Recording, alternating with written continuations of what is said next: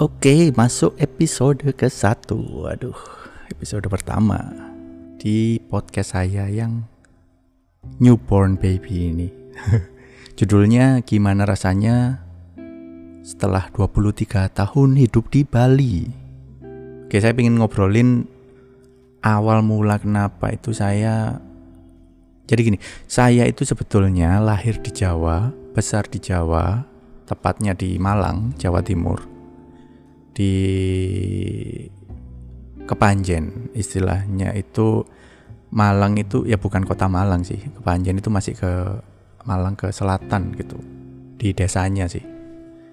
Istilahnya saya ini anak deso yang berusaha merantau di Bali. Semenjak tahun berapa tuh kerusuhan Pak Harto itu 98 99 oke okay. uh, STK SD SMP SMA itu saya ada di Jawa. Terus kuliah itu sempat di Jawa di Universitas Brawijaya Malang. Dan itu pun DO karena lebih sibuk ke yang lain. Sibuk pacaran sibuk band-bandan sibuk ngeband sibuk main skateboard lebih tepatnya sih kebanyakan pacaran kayaknya dulu duit kuliah yang dicari bapak ibu saya yang setengah mati nyarinya dengan enaknya saya menghambur-hamburkan. Nggak menghambur-hamburkan duitnya nggak banyak juga. Pokoknya larinya ke pacaran aja seneng-seneng aja gitu. Terus akhirnya 99 eh, saya memutuskan untuk merantau mencari pekerjaan di Bali. Kebetulan saya itu anak pertama dari enam bersaudara ya. Yang alasan utama yang bikin saya itu merantau itu adalah karena dulu adik saya yang perempuan di bawah saya itu dia Waduh, rame, ada motor uh, adik perempuan saya di bawah saya pas nomor dua itu sempat jatuh. Terus akhirnya lumpuh nggak bisa jalan. Jadi ya lumayan sih. Uh, dari leher ke bawah itu nggak berfungsi. Jadi saraf otaknya itu perintahnya nggak bisa langsung ke saraf motorik gitu loh katanya dokter. Gitu. Dan sampai akhirnya dipanggil Tuhan uh, ya sudah dia lebih di alam yang berbahagia sekarang. Kalau mendengarkan ini sih ya saya kangen ke adik saya. Tapi ya oke okay lah udah dunianya udah beda terus dia udah di alam yang lebih lebih lebih enak lebih tenang gitu. Balik lagi ya.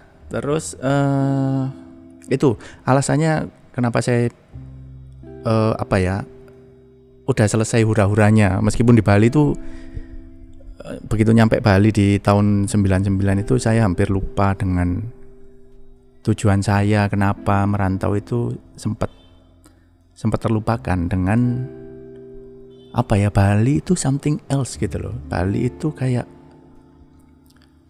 um, kalau yang ada di pikiran orang-orang itu yang apa ya yang bukan pariwisatanya loh ya bukan pariwisatanya bukan bukan orang-orang yang menuju Bali itu untuk senang-senang atau turis gitu istilahnya kan. Tapi kalau orang-orang luar itu karena Bali itu kan bebas ya kan? Alkohol di mana-mana. Beda dengan tempat saya itu yang apa ya uh, orang kelihatan tatonya sedikit gitu aja udah yang wah rame gitu. Terus terang saya punya tato meskipun bukan nggak terlihat ya ketutupan baju gitu. Um, ya gitu deh. Intinya adalah Bali itu adalah bebas. Artinya pada saat saya memilih merantau ke Bali itu teman-teman kecil saya udah wih Fami di Bali ini pasti semakin rusak dengan kiri kanan dunia malam klub terus alkohol apa segala macem babi. Dan saya sudah melewati itu semua. Saya nggak ini ya nggak mau nutup nutupi saya suci saya bersih gitu ndak. Ya saya saya muslim saya muslim. Saya dulu pernah makan mengkonsumsi babi itu waduh enak banget. Dulu itu sering terus berhenti. Bukan karena alasan agama tapi setelah saya lihat artikel ternyata ya kurang kurang sip lah. Saya saya ngomong bukan apa ya uh, bukan untuk melarang teman-teman makan babi juga. Artinya agama lain pun juga enak babi itu enak banget enak wis. Enak cuma saya lihat ah, beberapa artikel itu kok ada yang beberapa artikel yang meng, menghambat dan membuat saya stop untuk mengkonsumsi babi. Terus alkohol juga sempet dulu sempet sempet dulu. Terus um, ya enak juga sih. Gimana sih?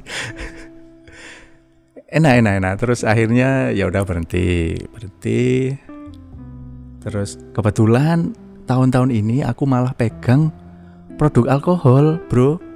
Produk untuk marketingin alkohol.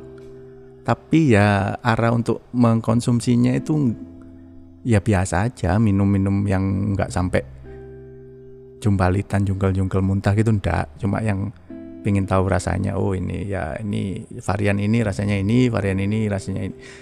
Hmm, nggak mm, usah nyebut merek lah ya. Jadi kebetulan perusahaan saya yang saya rintis ini ya pegang lumayan lah lumayan di di, di area Indonesia Malaysia dan Singapura. Ini baru kok baru-baru.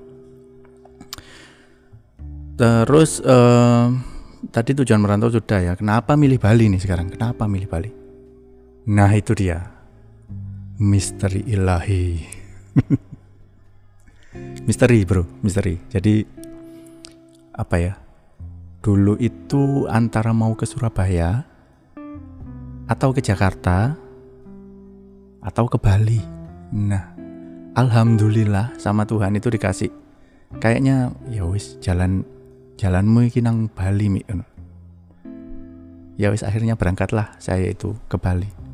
Di tahun 98 atau 99 saya agak agak lupa juga.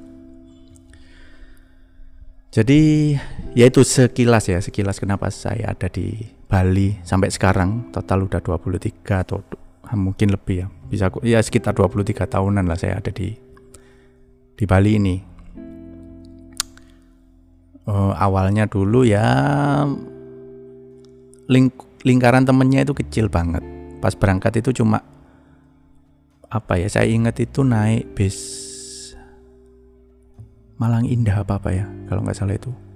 Bayar tahun itu ya tahun itu bayar 8 ribuan gitu 8 ribu rupiah dari Malang ke Bali bis malam.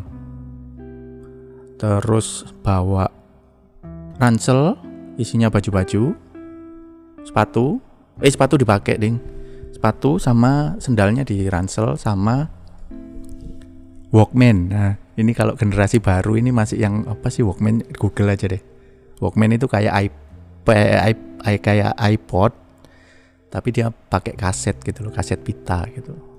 Ini kalau teman-teman yang milenial agak yang ya di di googling aja lah. Apa itu kaset, apa itu Walkman.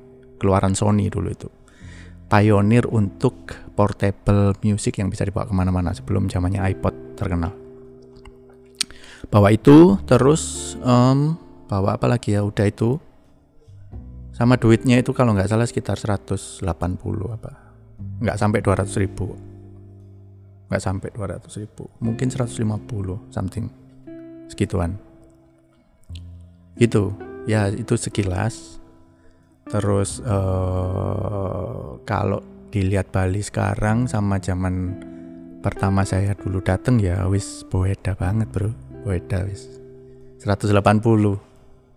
Dulu itu di depannya Hard Rock itu masih ada yang jualan sate kambing, sate ayam.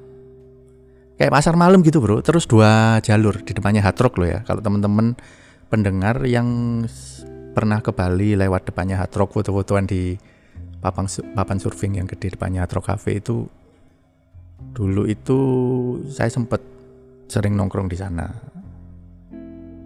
ketemu teman-teman anak pantai yang lama-lama. Terus apa namanya? Ya di situ beda. Jadi di situ masih dua jalur. Entah mobil entah motor. Itu masih bisa berlawanan arah dua jalur. Terus sebelah kiri itu masih belum ada pagar bagus yang kayak sekarang ini. Pagar beton yang ada ukir-ukirannya itu belum ada cuma pagarnya itu berupa itu nasi goreng mie goreng gitu. Masih ada. Terus tukang-tukang apa keliling itu masih ada. Tato-tato temporer itu juga yang masih berkeliaran. Orang-orang yang tidur pantai itu masih banyak banget. Termasuk saya. Aduh malu saya kalau ingat. Uh, tapi ya sudah itu memang wis wis dikasih Tuhan kayak gitu ya dijalani aja lah. Dijalani Terus yang paling berat itu di Bali itu kehidupan di dua tahun pertama saya. Karena ya nggak ono kerjaan, terus duit makin lama makin tipis gitu kan. Dulu masih belum ada zamannya handphone ini masih ya balik lagi di depannya hard rock itu ada telepon umum koin gitu loh bro kayak uh, telepon koin ya kalau teman-teman yang seumuran sepantaran saya itu tahu kayak dimasukin koin terus 3 menit 10 detik ya 15 detik 10 detik sebelum putus gitu biasanya bunyi tut tut tut tut, harus dimasukin koin lagi. Ya wis untuk menghemat koinnya itu aku lubangin kasih kawat ya segitu gitulah nakal dulu itu. Aduh merugikan pihak lain. Ya gimana? Survive bro zaman dulu bro gitu. Jadi memang dua tahun pertama di Bali itu ya berat banget lah. Kalau diceritakan itu bu anjing ini ceritanya itu. Mulai dari sempet kerja di salah satu pabrik pakaian saya nggak nyebut merek juga. Itu ada di area Kuta Square. Sampai sekarang masih ada. Jadi ya tungkak oh, angkut-angkut barang lah apa segala macam di box itu. Terus ya gitu-gitu deh bro. Tahun itu itu tahun nggak enak wis. Bisa makan itu aja alhamdulillah syukur. Terus telepon ke rumah kadang ya bohong-bohong sedikit ke orang tua. Bapak ibu tanya gitu. Untungnya di rumah itu udah alhamdulillah ada telepon pesawat telepon gitu loh bro yang ada nomor nomor bukan nomor pesawat telepon fix uh, landlines gitu telepon ke rumah terus oh gimana nak di Bali? Udah kerja apa? Ya normal lah ya orang tua tanya. Ya wes bohong-bohong didi ini bu udah lumayan dapat kerja ini nah ini ini, ini. tapi ya menghibur menghibur mereka sebetulnya biar ndak biar ndak cemen gitu loh bro. Masa cowok apa ya? Ya cowok itu kan diciptakan as a fighter gitu loh as a pejuang. Jadi nggak aku nggak mau apa ya kayak yang aduh nggak enak di sini gitu. Kayak gimana sih? Kayak gitu kayak nggak mau membebani bapak ibu. Karena bapak ibu itu sudah terbebani dengan adik saya yang jatuh tadi itu yang saya ceritakan uh, biar bapak ibu itu lebih ke konsentrasi ke adik saya gitu ceritanya. Jadi at least at least uh, di keluarga saya bapak ibu saya terutama itu bebannya udah hilang satu lah sudah nggak nggak ngurusi mangan mangan uripe anak barep iku gitu ceritanya. Oke terus um, selama di Bali setelah dua tahun pertama itu sudah mulai ada titik terang gitu. Bukan titik terang yang benderang ya ya artinya jalannya itu sudah ada. Karena selama dua tahun itu ya lingkaran pertemananku itu sudah mulai mulai besar, mulai bukan besar sih. Uh, sebetulnya tertutup. Saya ini orangnya tertutup. Lebih ke introvert, lebih yang suka mengurung diri dari keramaian gitu-gitu nggak suka kalau ada rame-rame gitu sebetulnya saya ada di sana sebetulnya cuma makin ke sini itu kan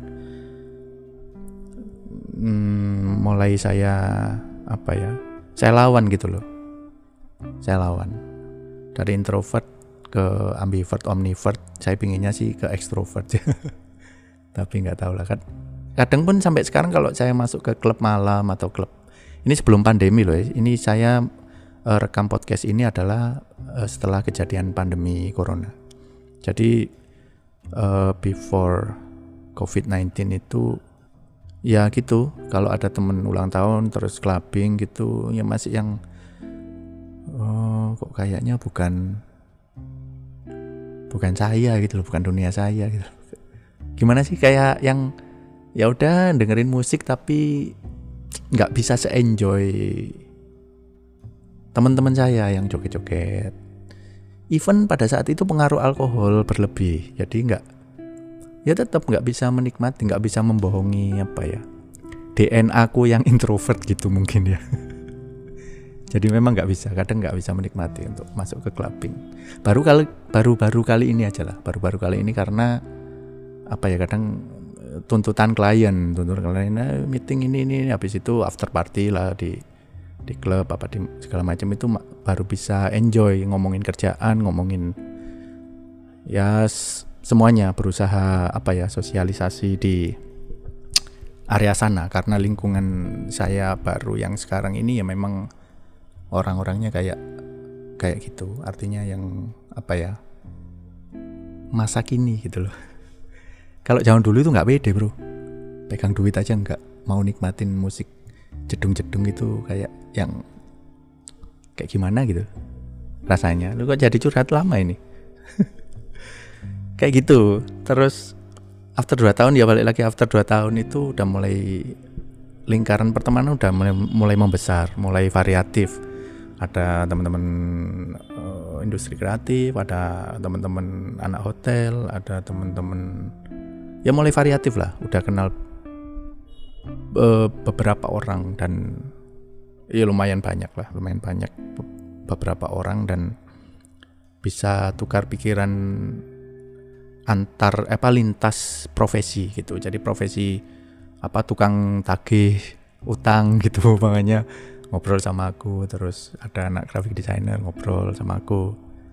Jadi lebih apa ya terus jadi temen main ke kosan main uh, ya gitu deh. Akhirnya lingkaran pertemanan saya itu singkatnya semakin melebar semakin ber, ber, ber, bervariasi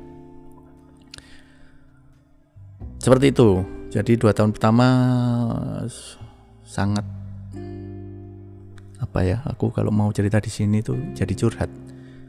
Pokoknya berat lah buat karena memang harus ya ngerantau nggak bisa langsung yang langsung uh, ada di top level atau middle level. Ya pasti dari benar-benar bawah bawah pun itu masih yang merangkak memang merangkak banget Terus seiring dengan perkembangan zaman, cialah, perkembangan zaman dan besarnya eh, apa uh, memulai growingnya lingkaran pertemanan itu mulailah ditawarin kerjaan di ditawarin kerjaan yang yang yang apa ya yang saya harapkan selama ini. Kayaknya itu bukan dua tahun pertama nih empat tahun malah empat tahun kayaknya iya ya hampir empat tahun. Empat tahun itu baru dulu itu di kalau teman-teman pernah ke Bali ke Mall Bali Galleria dulu itu di depannya ada namanya Planet Hollywood Bali. Nah mulai kerja di eh sebelumnya di Hard Rock dulu as a freelancer. Terus ke Planet Hollywood. Bisa nggak? Ya udah mulai ini eh bisa nggak graphic designer gini gini bla bla bla ya udahlah akhirnya ya belajar lagi graphic designer karena sebetulnya dulu kuliah saya itu adalah di IT. Dulu saya di Fakultas MIPA, Matematika dan IPA. Hitung-hitungan aja udah nggak beres sebetulnya. Kok bisa masuk MIPA? Matematika dan IPA saya ngambilnya programming dan hardware. Lebih ke apa sih dulu itu jurusannya? Teknik komputer jadi bukan programmer ya. Kalau programmer itu benar-benar yang software terus. Kalau saya itu di teknik komputer adalah imbang, Bro. di hardware imbang ya apa di hardware diajarin di software kayak coding pemrograman basic-basic untuk software itu diajarin juga tapi ya nggak sampai selesai wong saya DO udah mulai berkembang terus kerja sana pindah sana ikut orang pindah sono sana sono sono. Tapi ada di jalur yang saya saya cita-citakan yaitu di jalur kreatif. Karena dulu awalnya itu mulai tertarik di dunia kreatif itu ya pas pada saat kuliah sebetulnya. Udah mulai kenal ngeband kenal skateboard itu terus teman-teman eh mi kamu kan anak komputer. Tulungono po oh, bikin pamflet pamflet aja nggak tahu apa itu pamflet apa itu pamflet? Flyer bro. Apa mana itu flyer? Poster-poster tapi bentuknya yang lebih kecil. Oh yo yo yo spanduk kah ya bukan bro. Wis nol botol wis aku. Dulu itu di masalah gitu-gituan. Terus akhirnya terjunlah saya ke gitu-gitu belajar Photoshop lah. Dulu itu Photoshopnya masih yang pertama ya versi kalau nggak salah itu saya main di warnet itu versi Adobe Photoshop 5.0 kalau nggak salah. Dulu gambarnya mata masih bintik-bintik gitu loh. Gambarnya mata kiri terus kelihatan alisnya, ikonnya itu. Terus ada kayak alisnya bintik-bintik. Masih yang ya resolusi kecil orang komputernya juga bukan bukan komputer yang kayak sekarang. Gitu. Terus akhirnya ya udah eh, itu sekilas terus akhirnya saya tertarik di dunia kreatif tapi ya ada beberapa hambatan saya main musik apa segala macem. Ya itu perjalanan singkat saya kenapa saya baru pertama kali nyemplung ke dunia kreatif itu di situ. Terus akhirnya balik lagi ke Bali ya. Nah di Bali ini udah mulai udah mulai pindah kantor ini nah ini, ini, ini, ini. terus bom Bali satu jedus meledak. Meledak itu saya pindah ke bom Bali pertama itu pindah ke Jakarta. Terus ikut uh, sebuah perusahaan tidak saya sebut namanya grup gede lah. Grup gede uh, berupa magazine majalah majalah musik ya majalah musik. Uh, itu saya jadi layout man. Layout man itu di bawahnya graphic designer. Jadi kalau nggak salah ya kalau saya ingat saya dulu itu ada chief editor, editor, terus uh, apa-apa saya yang paling bawah nih layout man, yang layout uh, apa sih dari majalah itu halaman berapa halaman berapa gitu. Itu terus akhirnya di sana saya kenal beberapa software. Saya di situ kenal Apple pertama kali. Produk Apple ya. Dulu iMac pertama kali itu yang bikin saya jatuh cinta ke produk Apple sampai sekarang itu adalah di zaman itu. Karena kaget saya yang biasanya ngelihat uh, dulu itu kan pakai floppy disk teman-teman. Namanya itu nggak kayak hard disk zaman sekarang. Media penyimpannya itu adalah floppy disk. Ke mana-mana itu harus bawa bawa kotak gitu deh untuk nyimpen data. Ke mana-mana itu. Terus uh, hard disk itu kayaknya belum ada kayaknya. Seingat saya nggak ada. Floppy disk sama CD CD anak anak-anak sekarang sih masih tahu lah CD itu. Kayak gimana bentuknya. Kalau floppy disk aku rasa belum tahu. Nggak tahu malah harus searching di Google dulu. Jatuh cinta di Apple sampai sekarang. Jadi kayak sekarang itu jatuh-jatuhnya jadi fanboy aku. Apple fanboy jadi semua gadget itu kalau bisa kalau bisa dan kalau ada rezeki pasti harus harus Apple karena udah aku udah terjebak.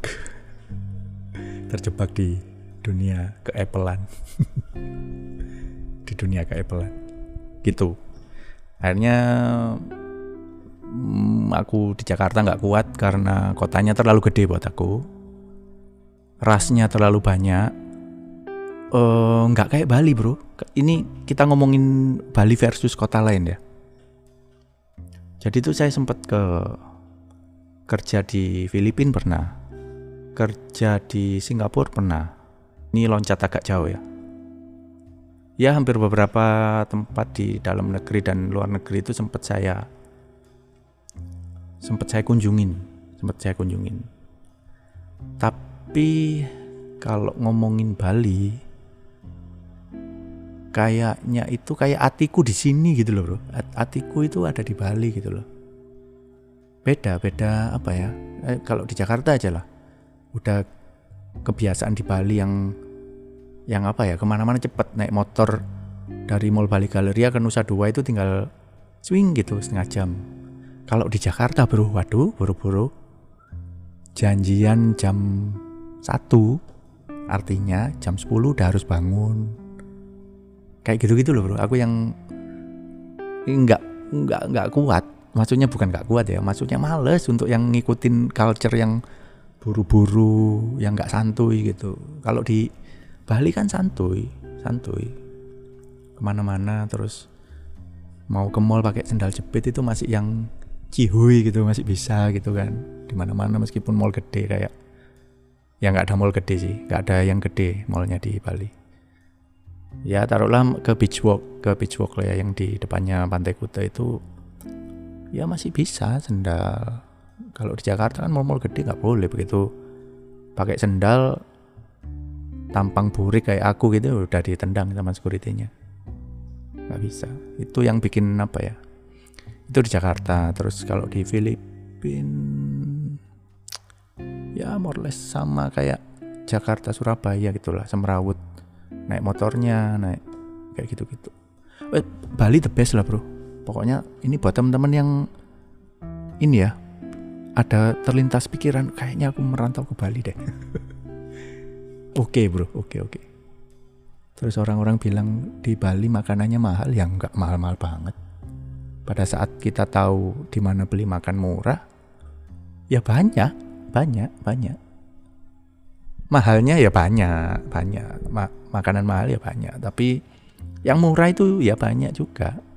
Jadi nggak usah takut, nggak usah takut apa ya, ini buat gambaran teman-teman yang belum pernah ke Bali yang ke Bali itu cuma yang uh, traveling atau rekreasi gitu makanannya kan pasti mahal-mahal sebetulnya ya ada makanan murah banyak gitu. Jadi intinya adalah saya kerasan banget di Bali dan dari ikut orang saya punya perusahaan. Meskipun masih kecil saya pinginnya itu perusahaan kecil saya ini gede di Bali juga gedenya berpusat di Bali juga. Dan mungkin masa tua saya bakal ada di sini kayak pinginnya cita-cita mimpi besarnya. Ya kerasan kalau dari cerita saya itu ya justru kalau saya pulang ke Jawa itu just, justru kayak jadi rumah kedua sekarang. Kayaknya lo ya. Meskipun alhamdulillah bapak ibu saya masih ada di Malang kan tapi jadi kayak tamu gitu loh jadi apa ya begitu pulang gitu uh, ngelihat kamar tempat tidurku dulu itu kayak yang ya banyak memori di sana. Walah banyak memori. Maksudnya apa ya? Ya memori masa kecil. Memori masa kecil di sana terus ngelihat teman-teman kecil. Kalau teman-teman masa kecilku ketemu di kampung itu jadi kayak yang asing. Eh bukan asing. Salah salah. Koreksi koreksi.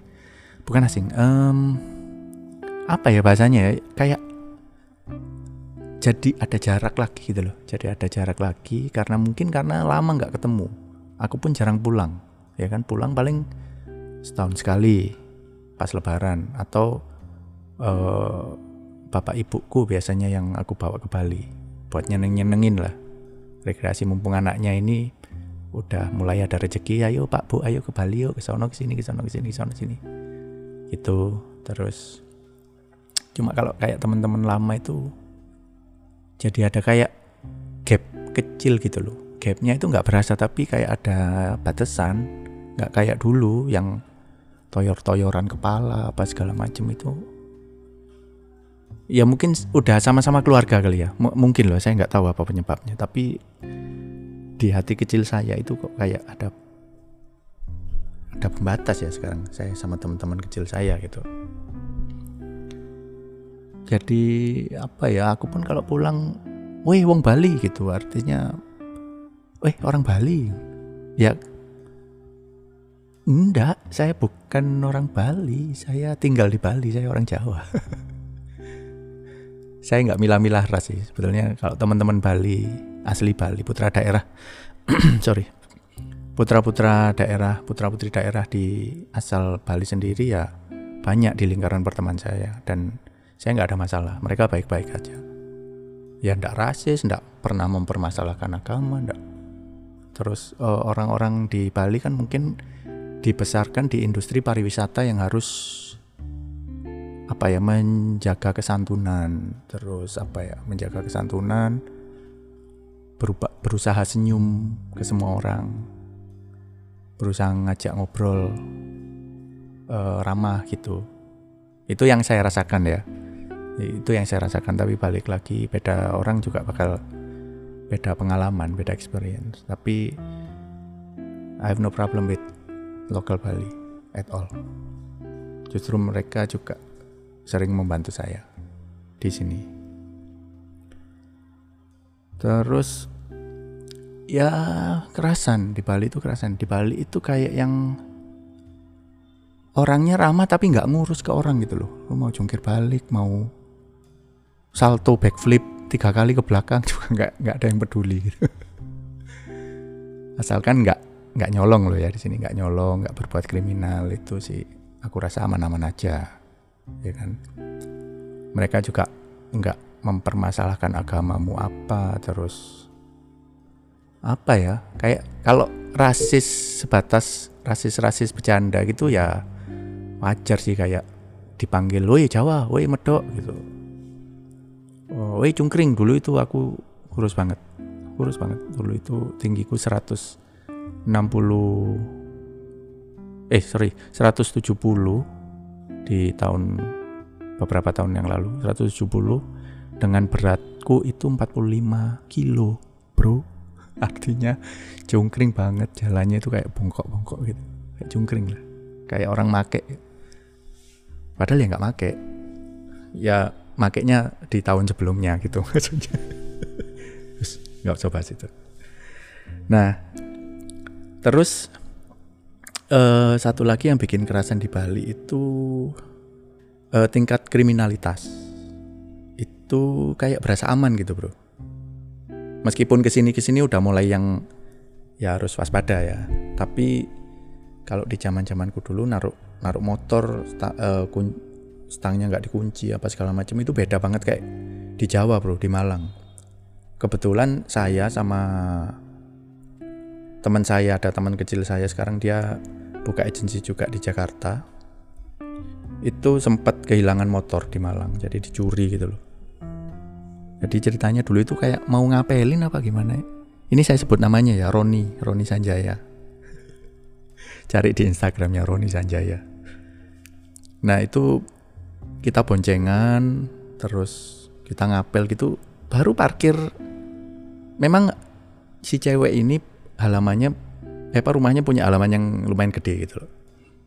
Jadi Roni ngajak dia bawa motornya, motor kakaknya ngajak aku. Bro, anterin bro ke rumah. Tak, aduh, nggak, jangan sebut nama ya. E, ke rumah ini gitu. Ya, ayo, ayo, itu jam 8 malam, jam 8 malam. Naiklah motor kita nget. Parkir nih, parkir. Dikunci stangnya, dikunci, ceklek. Itu motornya Yamaha. Apa ya Roni kalau dengerin podcastku ini ingetin saya. Yamaha Vega kalau nggak salah. Atau sub atau Honda Legenda. Lupa saya. Pokoknya ya motor bebek yang sebelah kiri masih ada persnelingnya itu loh. Ada ada giginya tuh baru beberapa langkah kita masuk ke rumahnya ketok-ketok itu kan wajahnya madep ke pintu semua ya kan? Ketok ketok tok tok tok tok tok tok tok tok tok. Assalamualaikum. Dibukain. Kebetulan yang bukain yang kita mau samperin itu cewek. Dibuka. Loh oh kok kalian ke sini iya kok gak ngabari? Gitu jadi zaman dulu itu nggak bisa ya ngabari kayak WhatsApp, SMS gitu. Ya aku nanti ke sana nggak bisa ya bertamu bertamu aja gitu. Tok tok tok tok, tok buka. Ya, Assalamualaikum waalaikumsalam. Dibuka. Loh, ke sini naik apa? Loh, naik motor. Lah, diparkir di mana motornya? Begitu kita noleh berdua, aku sama Roni noleh ke belakang, sudah nggak ada bro. Udah diembat maling. Diembat maling, secepat itu loh maling itu. Pada saat kita jalan parkir mungkin ya. Pada saat kita parkir, kunci stang, terus jalan beberapa langkah. Memang ya kira-kira 15 langkah lah buat dari pak apa ya pekarangan rumahnya masuk ke ke rumah ke depan pintunya itu begitu noleh ndak ono ndak ada muampus kon aku bengong si Roni pucet aku ikut pucet. Hampir ya kita berdua meskipun udah dewasa itu hampir mau nangis sebetulnya pada zaman itu ya. Wadaw. Akhirnya kita lari ke depan bener-bener nggak ada motornya itu hilang swing gitu. Dan itu di Bali jarang. Ya ada lah beberapa orang yang sempat ketangkep nyuri motor nyuri helm itu ya endingnya ndak bagus biasanya. Kebanyakan ndak bagus dan ketangkep itu loh. Mungkin karena juga orang sini di Bali ini menganut karma pale gitu. Wah sok-sokan aku karma pale. Karma hukum karma. Apa yang kamu kasih itu yang kalian bakal terima. Kalian ngasih baik ya terimanya baik. Kalian ngasih buruk terimanya buruk. Jadi mungkin di ajaran mereka itu turun temurun seperti itu. Jadi ya saya appreciate sebetulnya. Saya angkat topi setinggi tingginya untuk yang budaya seperti ini. Sebetulnya masih ada masih masih beberapa beberapa orang yang yang masih memegang kuat uh, tradisi seperti itu. Entah di agamanya atau di memang diajarkan turun temurun ya. Saya kurang mendalami juga. Itu yang bikin saya kerasan di Bali itu enggak apa ya aman gitu loh. Kita itu mau jam berapapun ke Bali itu aman bro. Nggak ada kayak palak-palakan itu jarang loh. Adalah satu dua itu tapi jarang jarang jarang. Nggak kayak di Jawa kalau orang-orang minum gitu di trotoar terus kita lewat pasti dipalak nah kita. Kalau di sini ndak. Ya urusan sendiri-sendiri minum minum karena minumnya buat nyari seneng-seneng di sini bukan bukan nyari gaya-gayaan kayak kayak di Jawa dulu itu ya gaya-gayaan sebetulnya bro termasuk saya ya kalau di Jawa itu minum itu kayak yang apa ya uh ini loh aku minum alkohol jati diriku adalah uh, kayak gitu kalau di sini enggak kayaknya. Minum minum aja. Bir itu aku sebetulnya kan apa ya? Ya sudah mulai terbiasa minum bir gitu di Bali. Begitu ke Jawa masuk Alfamart. Lah kok enggak ada birnya? Even bintang zero yang 0% alkohol itu hampir nggak ada. Nggak tahu ya kalau sekarang ya, nggak tahu. Pada saat terakhir pulang itu nggak nggak jual mas bir. Yang 0% nggak ada mbak, nggak ada juga. Wow. Keren. Gitu. Jadi ya memang ini jadi ngomongin alkohol. Jadi kalau kesimpulannya ya alkohol itu sebetulnya bukan pemicu kriminalitas. Orang di Bali alkohol bertebaran juga orangnya santuy. Itu logika saya. Saya bisa salah tapi ya kayak gitu. Kalau di Jawa itu kan alkohol itu kayak barang yang tabu gitu loh haram haram hamer ya, ini saya ini muslim capa apa ini maaf ya ngobrolnya kayak gini um, gitu. Terus apa ya? Itu tadi pala kriminal segala macem. Terus nggak peduli dengan apa agama-agama gitu loh bro. Dulu itu pas ada zaman pilpres beberapa tahun lalu ya pilpres oh, sama apa sih zamannya Ahok. Dulu itu kan aku sempet menaruh pilihan itu di Ahok dan Jokowi ya kan nah terus ada beberapa teman-teman yang memang berseberangan ide dengan aku. Berseberangan ide itu adalah wajar konteksnya, tapi ada beberapa orang termasuk teman-teman saya juga itu menganggapnya sebagai agama baru. Wajah. Apa ya? Pokoknya kalau kamu milih Ahok atau bukan milih nih, kita naruh simpati aja udah salah di mata mereka. Udah di kotak-kotakin gitu loh. Lo cebong gitu. Kayak gitu-gitu. Padahal kan ya semua orang itu ya punya bebas bebas milih gitu loh. Bener gak sih? Nah pas pada saat itu apesnya adalah pas aku yaitu milih Ahok dan naruh simpati ke kedua orang lah Ahok dan Jokowi dulu pas zaman zaman lama dulu sebelum periode Pak Jokowi jadi presiden malah jadi kayak yang diharamkan lah terus dikafir-kafirkan. Sedih sih bro. Di apa ya dikata-katain kafir apa segala macam itu sesama muslim ngomong seperti itu. Meskipun saya muslimnya ya muslim kayak gini lah ya. Enggak muslim apa ini muslim KTP Islam KTP kalau orang-orang bilang. Ya gitu kayak sakit hatinya itu kayak sakit sakit banget gitu loh kayak yang di kata-katain kafir terus segala macem lah hidup di Bali terlalu bebas.